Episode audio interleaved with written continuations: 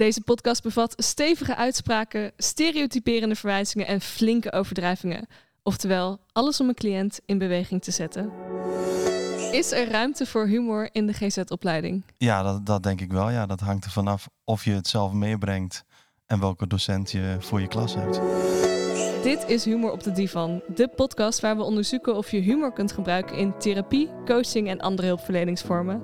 Adelke Vendel is specialist in provocatieve psychologie en gebruikt al jaren met veel succes humorinterventies in haar praktijk. Gewapend met uitdagende uitspraken stelt Adelke zich op als een warme plaaggeest. Ze gebruikt de humor nooit ten koste van haar cliënt, maar altijd ten dienste van het probleem. Humor is het smeermiddel in de communicatie. Hey Adelka. Hey Antoinette. Hoe was je dag? Ja, goed. Ik had uh, een leuke reactie van een luisteraar. Vertel. Ja, uh, dat is Jan, dat is een collega van mij. En die zegt, uh, had een 10 kilometer lange wandeling gemaakt met jouw podcast op mijn bolletje. En het gesprek was heel leuk, effectief en een extra mooie toegevoegde waarde was de volkomen gelijkwaardigheid van de drie gesprekspartners. Wauw. Nou, Leuk hoor, zegt hij. Maar 10 kilometer, dat is toch gewoon bijna vier afleveringen? En je kan ook de, de afspeelsnelheid vertragen. dat, je, dat je echt heel langzamer. Ja, ik hoor dus wel dat wij stiekem versneld uh, net iets beter klinken. ja, heb je dat gevraagd aan iemand? Ja? Oké, okay, dus ja. als je dat er even bijzet in de show notes van welke afspeelfrequentie. Ja, als we met z'n allen een stuk sneller gaan praten, dan hoeven we dat ook niet meer in te stellen later. Hè? Nee, dat is waar. Maar dan, dan heb je weer die mensen die het juist op 0,8 snelheid willen. Dus hè, ja. het moet, we moeten onszelf blijven, helaas. Gelukkig kunnen mensen het zelf ook instellen met een knopje. Precies, Precies, dan hoef ik niks te doen en dan kunnen zij het gewoon instellen. Dat lijkt mij het handigste. En deze keer geen therapiesessie, maar een andere psycholoog, gezondheidszorgpsycholoog Florian Roman. Florian heeft een eigen praktijk in Beeldhoven, maar daarvoor heeft hij wel de GZ-opleiding tot GZ-psycholoog moeten doorstaan. Dit ging soms lachend, soms huilend. Ook heeft hij de provocatief coachopleiding bij Adoka gevolgd en nu volgt hij die opleiding bij Jaap Hollander en Jeffrey Wijnberg. Florian is naast psycholoog ook heel erg creatief en zo heeft Florian flowmovies.com, waar hij absurdistische filmpjes tekent. En die stijl kan je ook herkennen, want Florian heeft de plaagkaarten van Adelka gemaakt.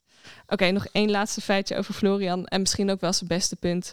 Hij heeft ook stage gelopen bij Adelka. En ik merk toch dat we dan al een band hebben, hè? Vind je dat ook? Ja, zo voelt dat wel. Ja, zo voelt dat wel. Ja. Gelijk over dat eten weer, hè? Eigenlijk wel, ja. Er was altijd wel goed eten hier. Ja, ik um, had twee, twee weken geleden die podcast geluisterd met uh, Jeffrey Wijnberg. En hij vertelde dan dat hij, uh, dat hij ook zo lekker verwend kon worden door een lekker uh, ontbijtje, s ochtends. Nou, toen kreeg ik gelijk flashbacks naar de tijd dat ik ook als stagiaire bij Adelka aanwezig was. En toen kwam ik een keer tussen de middag en daar had ze van die heerlijke lasagne uh, meegenomen.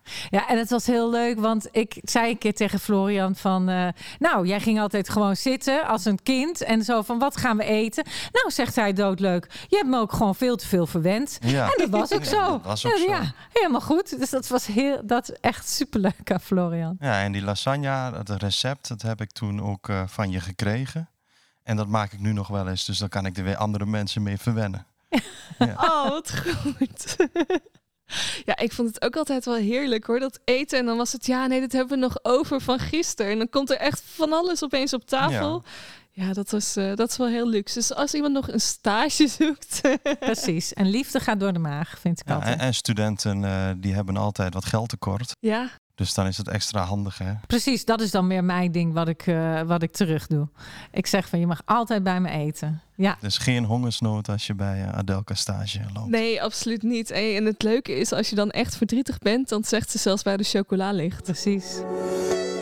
Hoe kwam provocatieve therapie op jouw pad? Ja, dat is uh, begonnen toen ik 18 jaar was. Dus is eigenlijk al een hele tijd terug.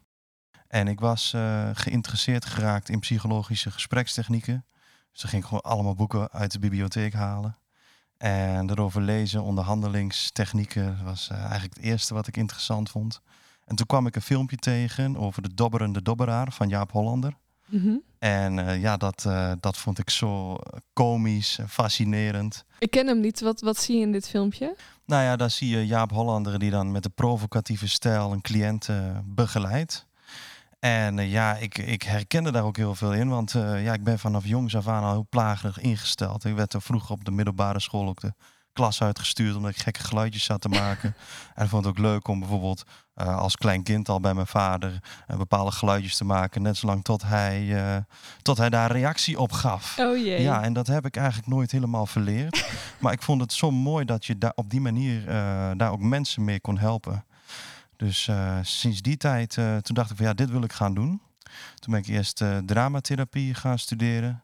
En in die tijd kon je met studenten OV gewoon gratis reizen. En toen heb ik gewoon allemaal provocatieve coaches en therapeuten aangeschreven.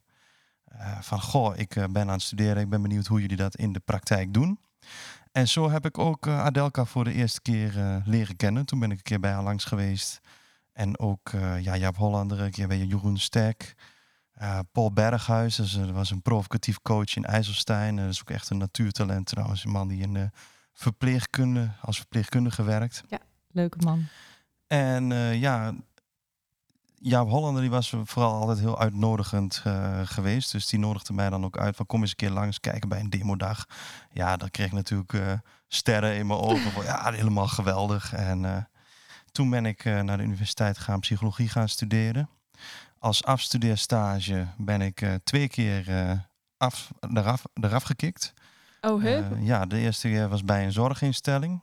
En de tweede, de tweede keer was bij een ziekenhuis waar ik werkte. Dus werkte ik met, ja, met cliënten met zware depressies. En nou, daar kwam ik eigenlijk al tegen dat ja, als ik zelf provocatieve interventies wilde gebruiken, ja, dat dat niet altijd uh, gewaardeerd werd mm -hmm. door mijn supervisoren of medebehandelaars. Of dat je het nog even moest leren hoe je dat moest doen. Ja, nou, ik kreeg vaak wel hele goede reacties van mijn cliënten.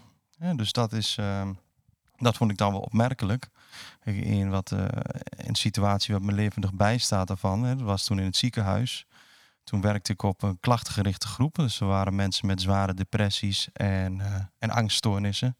Die groep was in tweeën opgesplitst. Eén gedeelte van de groep werd begeleid door mijn medetherapeut, of mijn supervisor was dat tegelijkertijd.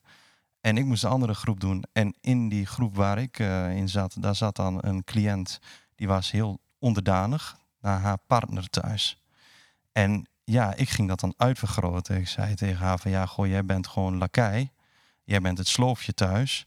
En de andere is een soort koning, hè? die zit daar met zijn dikke pens op de bank. En dus uh, misschien is het ook mooi als jij uh, rondgaat met een schaaltje bittergarnituur. Ja, als je zijn voetenkussentje opklopt. Fantastisch. Uh, en toen gingen we dat steeds meer uitbeelden. En het kreeg steeds meer zo'n Lodewijk de XIV karakter. Dus ik dacht van ja, misschien is het ook mooi als je zo'n pruik op gaat zetten. Met van die rollen aan de zijkant. Nou, mijn groepje die waren de hele tijd aan het schaten lachen. Een cliënt van mij die was, die, die was ook aan het lachen. Want ze herkennen dat ook. Ze zei van ja, ja, ja, maar... En ze ging dat tegen in verzet. Ze zei van ja, maar nee, ik moet gewoon gaan aangeven dat, uh, dat niet alles vanzelf komt bij meneer. Hij mag ook wel wat dingen doen in het huishouden. Dus toen kon ik er uh, tegen haar zeggen van ja, maar dat is niet uh, aan jou besteed. Jij moet meer onderdanig zijn. Dus dat ging zo de hele tijd door. En zij begreep precies wat ik aan het doen was. En reageerde daar heel assertief op. En die cliënten die bij mij in het groepje zaten, die zeiden ook van ja, goh, het is toch wel mooi dat zij zo zelf in verzet komt en met oplossingen komt. En toen was de sessie afgelopen, hè, na een uur. En uh, toen werd ik door mijn supervisor op het matje geroepen. Ze zei, ja, ik hoorde dat jij aan het, uh, dat jouw groepje wel erg veel aan het lachen was. Dus toen zei ik, ja, dat klopt. Wij waren inderdaad veel aan het lachen.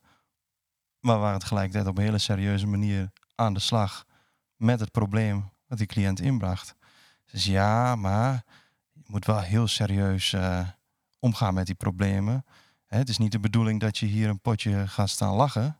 Hè, want je moet je wel goed beseffen dat we hier met hele kwetsbare mensen te maken hebben. Ja, ik hield mijn, mijn lippen stevig op elkaar geperst.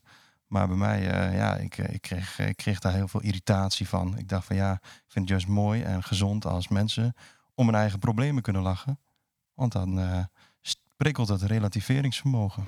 Ja, en dit is wat, wat ik zo super mooi hier aan vind, is um, dat je eigenlijk de twee wereldbeelden neerzet die er zijn. Eh, of tenminste, twee wereldbeelden. Je kunt heel realistisch naar de wereld kijken. Hè? De wereld Ja. is, is heel serieus.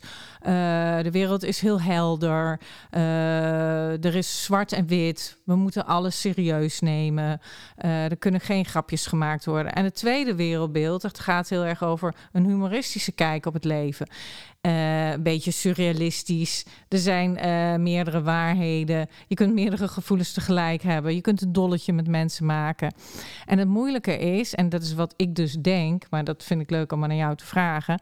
Vanuit de GZ is er vaak een heel serieus wereldbeeld. Ja, dat, dat hangt echt van de, van de docent af die voor de klas staat. Hè. Dat hangt van de begeleider af. Hè. Zoals dat voorbeeld wat ik gaf over het ziekenhuis. Ja, daar was die sfeer echt van de, de patiënten zijn kwetsbaar.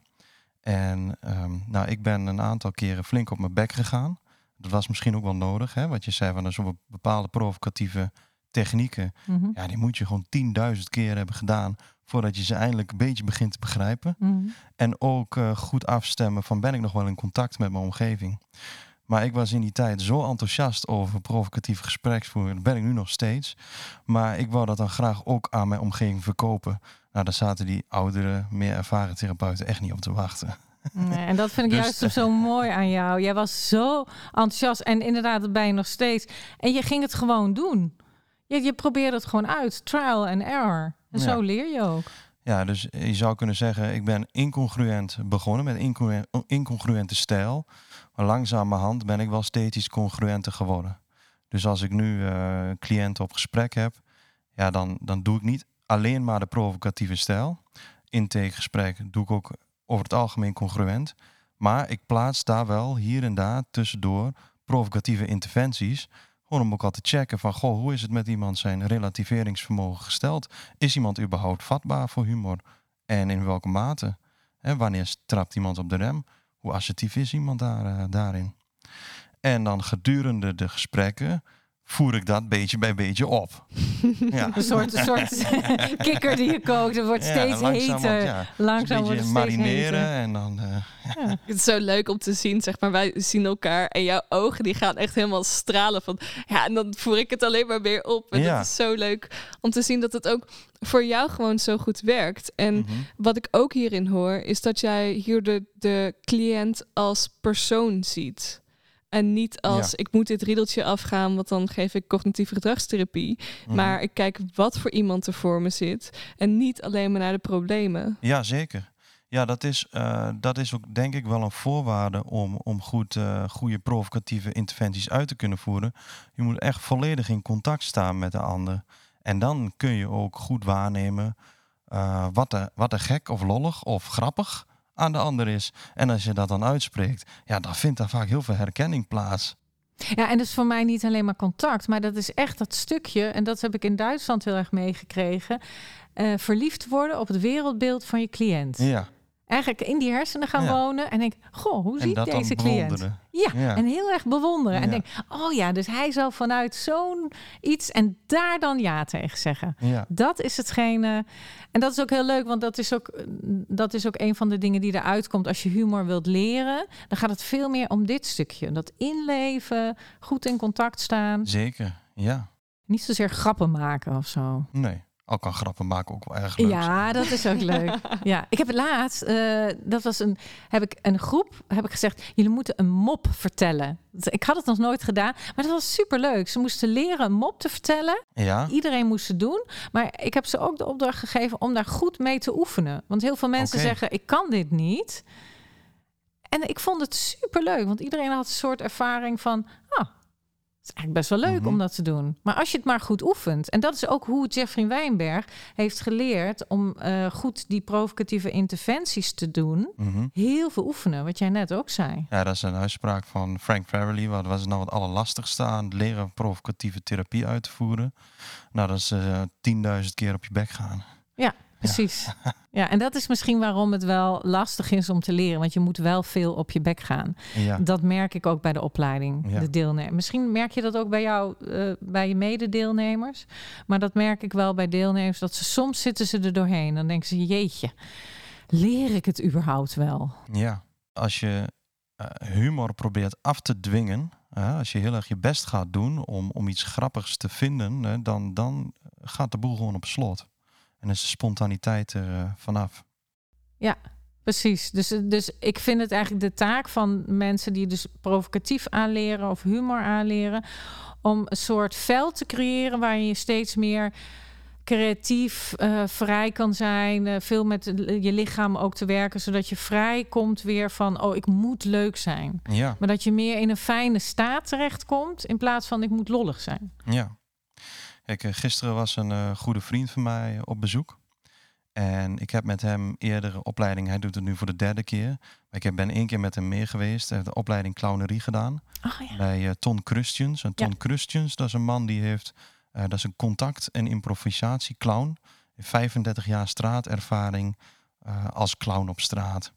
En hij, ja, hij geeft dan daar een cursus van hoe maak je contact met de omgeving. En het gaat niet over grappen maken, daar heeft hij het helemaal niet over. Maar meer over wat zie je, wat voel je. Hè? Dus echt dat sensomotorische, waar, waar kinderen eigenlijk ook mee bezig zijn. En hoe kun je dat weer uitvergroten? En Precies. zodra je dat gaat uitvergroten, ontstaan er allerlei komische situaties. Ja. Nou ja, wat, wat je net deed over die meneer die in zijn haren zat. En als je dat Ja. uitvergroot, dan maak je dat heel. eh, ja, dan, dan wordt dat gewoon heel leuk. En, en is dat ook een soort feedback die je kunt hebben, omdat het zo overdreven is. Ja. Ja, dus dan heb jij het over het eh, non-verbaal spiegelen van Ja. de cliënt. Hè? Ja, want wat was de situatie? Ja, dat was een, eh, een, een man die had ik vanochtend op gesprek. Mhm. En die zat tijdens het gesprek zat hij tijd in zijn haren te plukken. Dus dat, en dat doet hij dan tijdens bepaalde uitspraken doet hij dat meer. Mhm. Hè, vooral als de spanning toenam tijdens het gesprek, dan ging hij steeds meer in zijn haren plukken. Dus ja, ik ga dat dan op een gegeven moment ook doen. Dan ga ik ook met mijn haren zo door mijn hoofd. En ik ja, het is leuk om dat uit te vergroten. En dan zaten we samen op de stoel, zaten we zo in ons, eh, in ons eigen haar te plukken. Nou ja, dat is toch wel leuk om een beetje steeds meer met de benen erbij. Ja, En de benen van Florian gaan ook naar Ja, boven. Het wordt een soort aap. onder. Ja. Ja, Een soort, soort apen. En dan zaten we allebei als apen zo onze eigen haren te plukken. Dan zei hij van, nou, zal ik even opstaan en, en in jouw haren ook even plukken. Zodat we bij elkaar haren aan het uitplukken zijn. Dus wat, wat, wat, wat apen ook, eh, ook doen eigenlijk. Maar ja. wat vond die persoon daarvan? Ja, die vindt dat dan eh, heel komisch. Hè? Die zegt van ja, die begint dan te lachen. En die zegt eh, van ja, dit is iets wat, dit is echt een trekje van mij. Dat, dat doe ik ook terwijl ik me er niet bewust van ben. En door daar samen zo mee bezig te zijn, ja, dan valt het mij in één keer op. Ja. Ja, precies. Eigenlijk is het gewoon een spiegel. Een, een niet veroordelende spiegel. ja. precies. Ja. Ja. Ja. En hij kan ook lachen om zijn eigen gedrag. En het leuke vind ik dat als je dit zo doet, dan zie ik ook dat jij hem niet veroordeelt. Dus het, is een, het wordt een soort samenspel. Ja, En dat, daar vind ik de kracht in zitten van eh, het provocatieve, van de humor, van de uitvergroting. ja ik heb een, onlangs ook een traject afgerond met een, eh, met een vrouw. Die, ehm, die had heel sterk de neiging om maar voor anderen te zorgen. En die cijferde zichzelf volledig weg. En nou, dat vond ze lastig om daaruit te komen, want daar had ze allerlei schuldgevoelens over. Van, goh, als ik nou eh, daarmee stop, mag ik daar dan wel zijn? En nou, dat was mijn antwoord nee, dat, eh, dat mag helemaal niet. En elke keer als zij weer in dat gedrag verviel, ja, dan zei ze van ja, daar gaan we weer. Hè. Ze van ja, ik vind dat zo mooi aan jou, zo passend bij jou, zo'n eh, zo'n verzorgende rol. En dan ging ik haar helemaal ophemelen. En zij zei van ja, maar ik wil het niet meer en ik ben er helemaal klaar mee. En hoe meer ik haar daar, hoe meer ik, ik werd er eigenlijk best wel treurig van dat zij, eh, dat zij dat niet meer wilde doen. En hoe verdrietiger ik daarvan werd, eh, hoe, hoe vrolijker zij weer werd. Op een gegeven moment dan viel ze toch weer terug in het oude gedrag. Ze zei, ja, daar gaan we weer, hè. En dan moest ze keihard om lachen. Ja, daar ga ik weer. Ja, zo zit ik in elkaar. Ja, zo zit jij in elkaar. Ja. Ja, dat is heel herkenbaar. Ik vind het vooral zo leuk omdat als cliënten dit zeggen. Dus ik had ook iemand die ehm, eh, precies hetzelfde. Die zorgde heel veel voor haar moeder. En eh, zij, eh, zij kon daar gewoon niet van afblijven. En op een gegeven moment zei ze, had ze de Nou, knop omgedraaid. hoor, Ado, want zij kon niet van haar moeder afblijven. Ja, ze, ze kon niet van dat gedrag. Van het eh, gedrag Ja, van het gedrag afblijven. ik, ik zit nog steeds in die modus van die aap dat je in elkaar. Ja, Dus zeg ik afblijven. Ze kon daar niet vanaf komen. En, maar op een gegeven moment had ze de knop omgedraaid. Ik weet ook niet echt wat haar getriggerd heeft. Soms weet je dat niet hè, bij cliënten. En dus ze deed het niet meer. En ik heb uh, toen ook met teleurstelling uitgesproken, net als jij. En dat vind ik eigenlijk zo mooi om te doen omdat het dan een soort plagerige teleurstelling is. En dat je, uh, je eindigt dan dat, nou, oké, nou, als jij dat dan wil. En dan zegt de cliënt, ja, inderdaad, ik wil dat. En ja. uh, dat is iets wat ik gewoon goed vind. En het voelt nu veel beter. Ja. En die beslistheid in die stem, dat vind ik echt een teken van dat die provocatie gelukt is. Zeker, ja, dat is echt uh, assertiviteit wat van binnenuit komt. Precies. Ja. ja. En dan via de, ik zie veel, veel cliënten die uitgevallen zijn van het werk, met, uh, vaak met burn-out of stressgerelateerde klachten. En dan gaan ze door een dal heen en in het diepste van het dal is een crisisfase. En op een gegeven moment dan kiezen ze ervoor. Het lichaam geeft signalen aan van oh, ik kan niet meer met die stress omgaan. Dan leren ze op een gegeven moment van goh, ik moet toch naar mijn lichaam gaan luisteren. En meestal doen ze dat dan bij aanvang van het traject. Hè. Dan zijn ze al uitgevallen van hun werk en dan gaan ze aan de slag om zichzelf ja, om er weer op te krabbelen, om weer wat uit te rusten. En dat is dan mooi als je iemand hebt om daar samen mee te puzzelen. Maar had ik laatst een vrouw op gesprek, ja, die wou dat maar niet doen. Die bleef maar doorgaan met werken. En die zat met, uh, met onderuitgezakt gezicht, hè, met, met diepe wal in haar ogen en handen in de stoel, leuning gegrepen. En ze bleef maar doorgaan. En ik bleef maar met haar in gesprek van ja, dat gaat, uh, gaat niet goed als je dat zomaar blijft doen. Dus dat was heel congruent wat je dan deed. Ja, dat gaat niet goed. Dat ging ook, ja, dat, dat deed ik congruent. Ik deed ook wel provocatieve interventies. Hoe meer provocatieve interventies de, ik deed, hoe meer zij ook ging zeggen van ja, goh, ik moet nou toch eigenlijk ook wel voor mezelf gaan kiezen. Maar ze deed het niet. En ik heb maar zoveel tijd. Als ik een cliënt via Shared Ambition zie, dan heb ik maar uh, zes gesprekken meestal. Ja. En dan was dan het ene laatste gesprek. Dat ze zei van, ja, goh, ik ga nu toch wel één dag in de week vrij nemen. Uh. Ik zeg, ja, maar dat is niet de bedoeling. Ja. Nou uh, is, het, is het traject bijna afgelopen. En dan ga je je pas ziek melden. Nee, dan kun je er beter nog een paar maanden mee wachten. Want anders krijg ik dat straks weer te horen van... Goh, stuur er iemand naar, naar Florian toe. En dan gaat hij, zich, gaat hij zich aan het einde van het traject ziek melden. Dat is niet de bedoeling. Het is de bedoeling dat je je aan het begin van het traject ziek meldt. En dan gedurende het traject herstelt. Kijk, dan krijg ik een mooie beoordeling. En kan ik ook aangeven arbeidspercentage aan het begin van het traject. 0%. Arbeidsgeschiktheidpercentage gestegen. Hè? Van 0 naar 50% Van ja. 0 naar 80 ja, Ook al is het van 0 naar 10 dat is nog oké. Okay. Ja, maar zij ging, zij ging van 100% ging zij naar 80% Zeg maar, dat is niet de bedoeling dat je dat doet. Want dan krijg ik dat te horen. Ik wil cliënten zien en zeggen... ja, maar dat kan me niet schelen wat jij, uh, wat jij wil.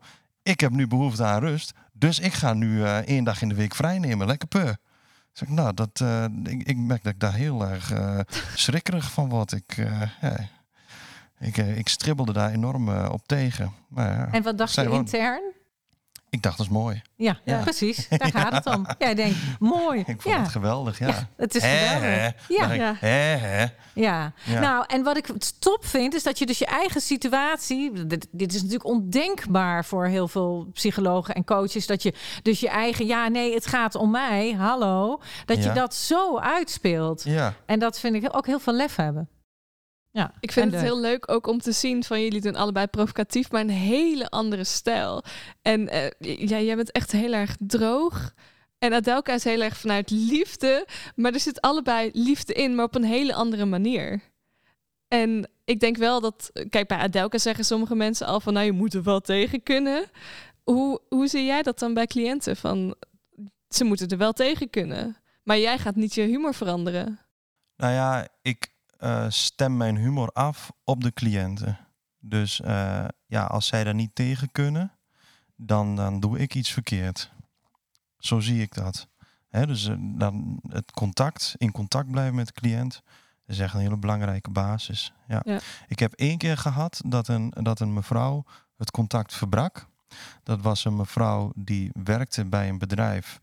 Daar, daar zat weer een andere mevrouw en die terroriseerde de afdeling. Die had al twee collega's weggepest.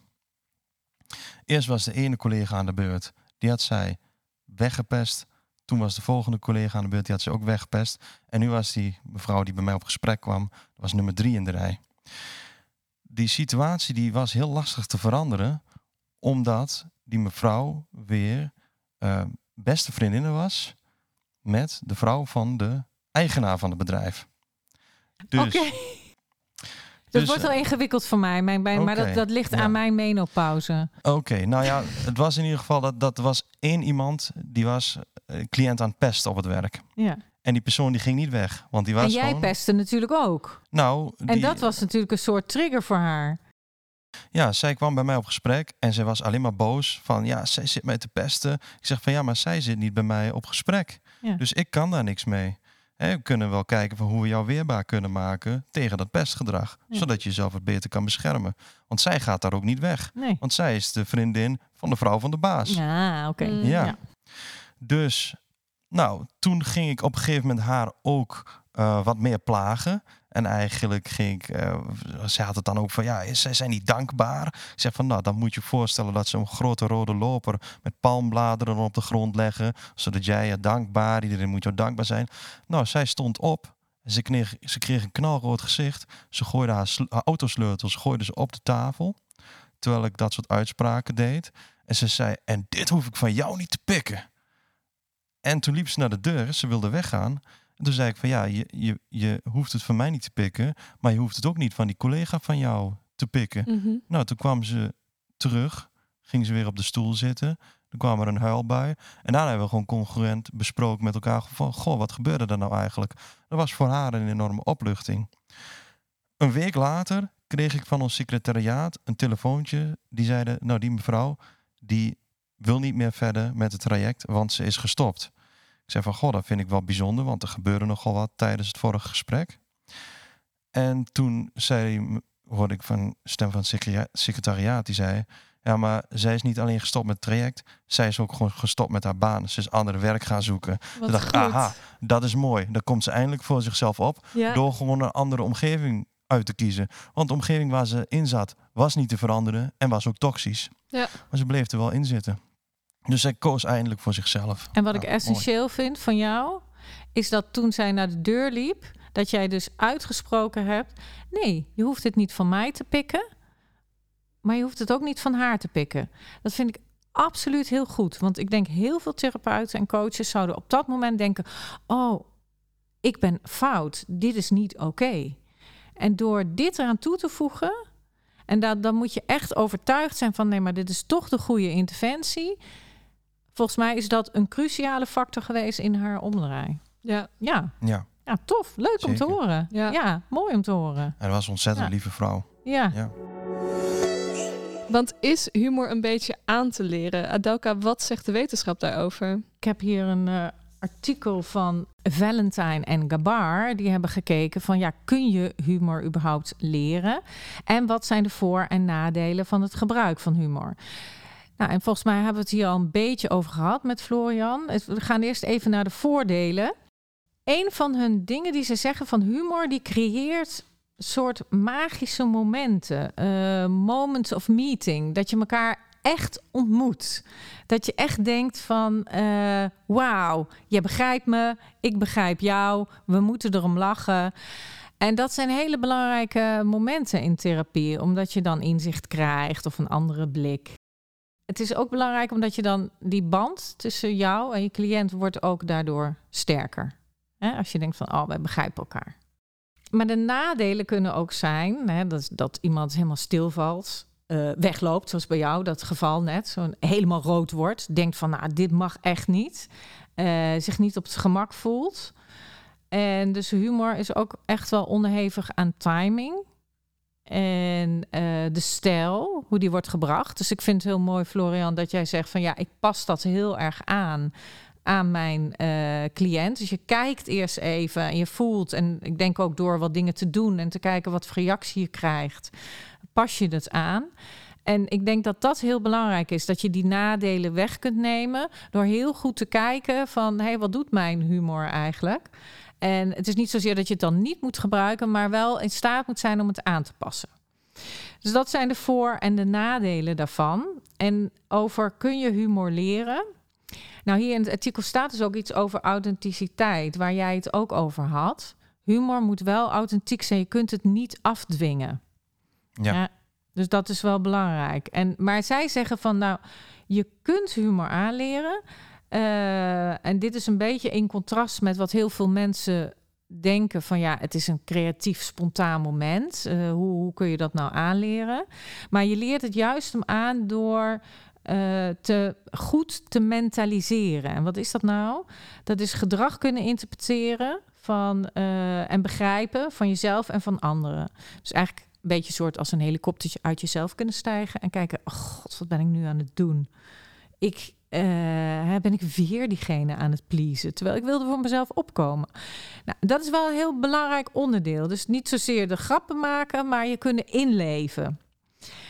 En je hebt goede supervisie nodig, dus dat is heel belangrijk. Maar wat moet die supervisie dan zeggen?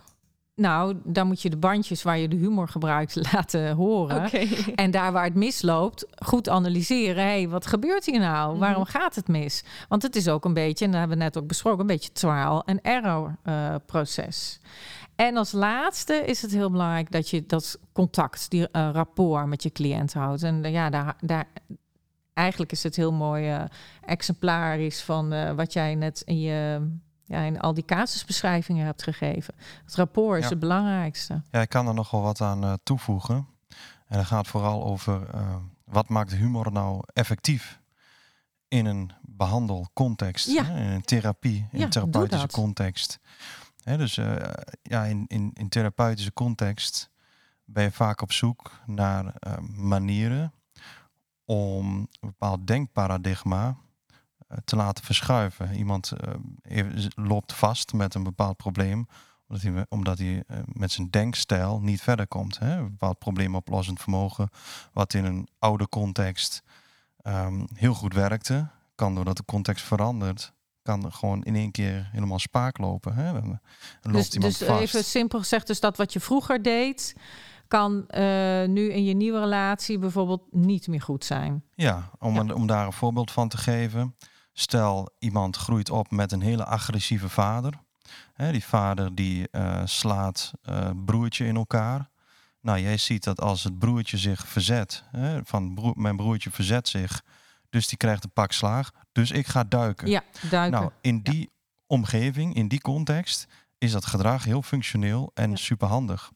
Maar als je daarna opgroeit en vervolgens in, eh, in een bedrijf werkt en je manager zegt tegen jou: Ik ga jou detacheren. Jij moet een jaar bij dat bedrijf werken en jij vindt dat helemaal niks aan.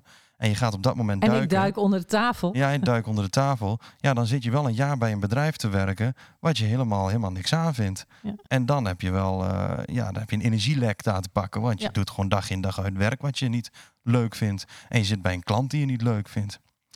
Nou, hoe kan humor nou werken? Doordat het ook op een hele snelle manier een, zo'n paradigma of zo'n denkstijl kan verschuiven. En dat is uit te leggen door van hoe werkt een grap. Nou, binnen een grap heb je dan eh, een context. En een grap wordt meestal verteld van dit is het verhaal.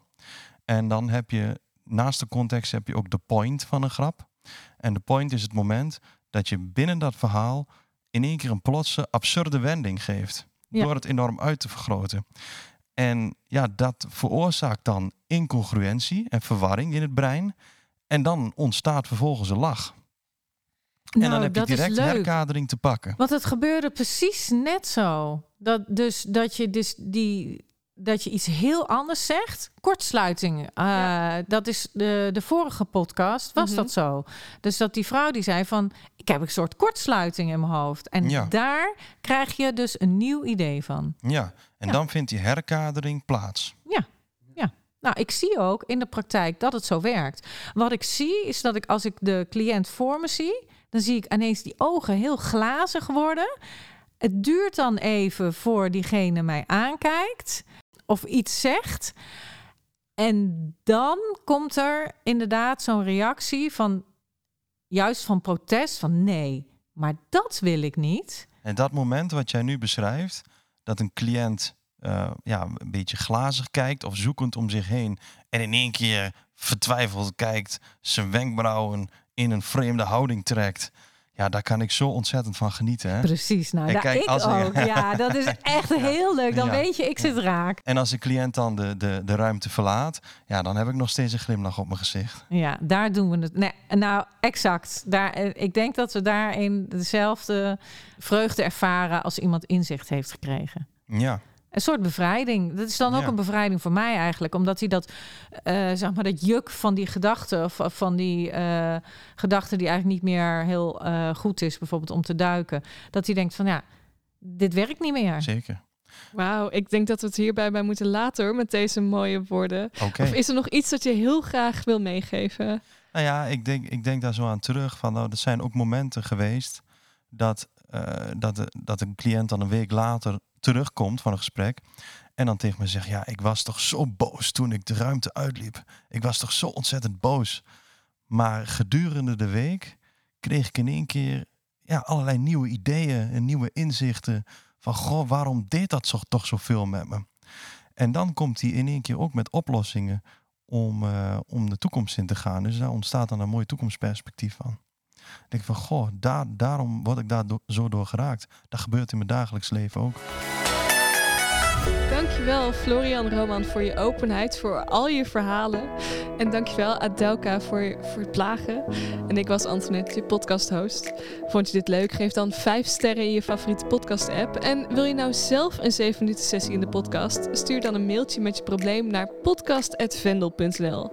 Dat is V-E-N-D-L, dus met één E. Wil je meer weten over provocatieve therapie? Check dan even de website van Vendel of volg ons op Instagram op provocatiefpsycholoog. Adelka, wil jij nog iets kwijt? Twee dingen. Eén, boosheid en verzet. Poets het niet weg. Het heeft echt een goede functie. En wees lief en provocatief.